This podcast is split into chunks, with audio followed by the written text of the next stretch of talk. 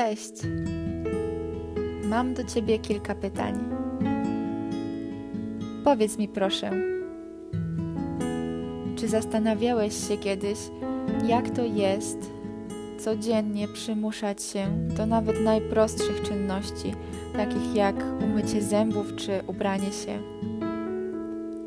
Czy zastanawiałeś się, jak to jest rozpłakać się przed lustrem, porównując swoje ciało do ideałów pokazywanych w internecie, nie potrafiąc dostrzec swojego piękna i wyjątkowości? Czy wiesz, jak trudne jest ciągłe wyszukiwanie wymówek i unikanie spotkań ze znajomymi, byleby tylko nie narazić się na zjedzenie czegoś zakazanego poza domem? Czy jesteś świadomy, ile trudności potrafi sprawić poczucie niezrozumienia przez najbliższych? Jak przykre staje się wtedy przebywanie na przykład w swoim własnym domu?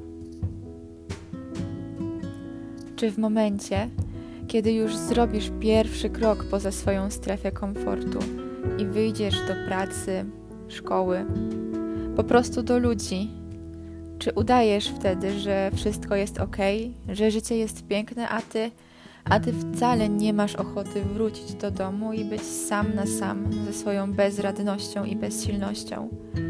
Bo co powiedzą koledzy, koleżanki? Co powie szef czy nauczyciel? Przecież cię wyśmieją.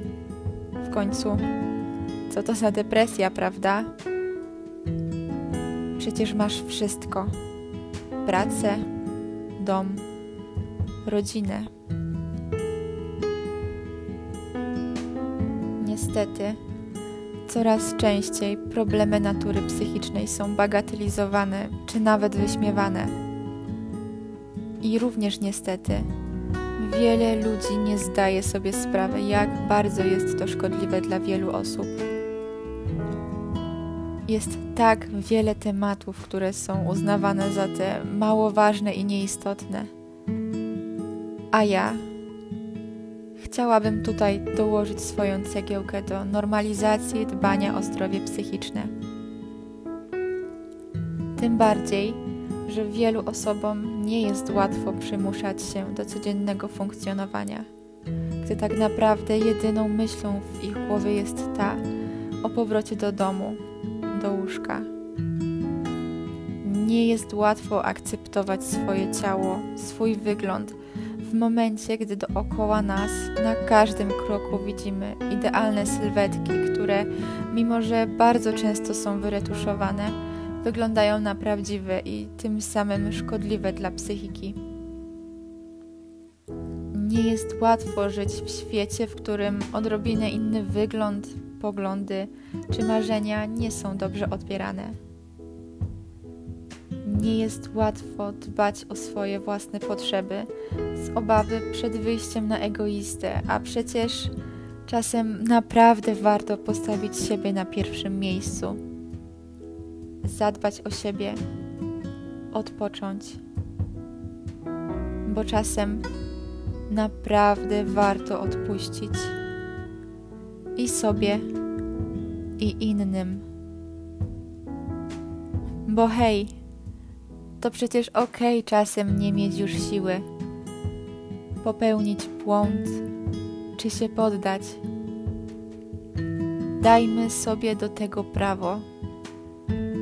Błądzenie jest w końcu nieodłącznym elementem naszego życia. Jednak co w tym wszystkim jest najważniejsze?